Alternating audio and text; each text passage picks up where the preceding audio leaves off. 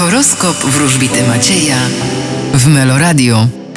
Baran, Pokonacie towarzyszące wam przeszkody. byk, Oj, inni wam zazdroszczą i rywalizują z wami. bliźnięta, Dokonacie istotnego wyboru. rak, Mm, Będziecie odcinać się od otoczenia, inwestując w siebie. lew, A wy nie myślcie tyle, bo przesadzacie. panna, Wy natomiast będziecie się nieźle bawić. waga, Będziecie wdrażać nowe przedsięwzięcia zawodowe i materialne. skorpion, Nie oszukujcie się.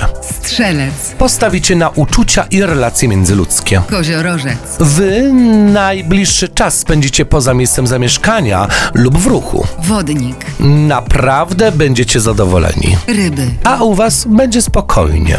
Ryby już wiedzą, co je czeka, ale jeszcze się dowiedzą, co je bardziej czeka. Otóż karta umiaru to jest ta karta wylosowana dla tego znaku. No i co oznacza? No jak się łatwo można domyślić, umiar.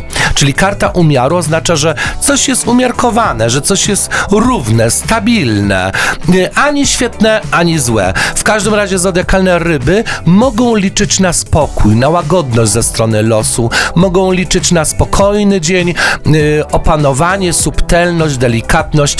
Ryby chyba takie są, a więc nie powinny składać reklamacji do Meloradia.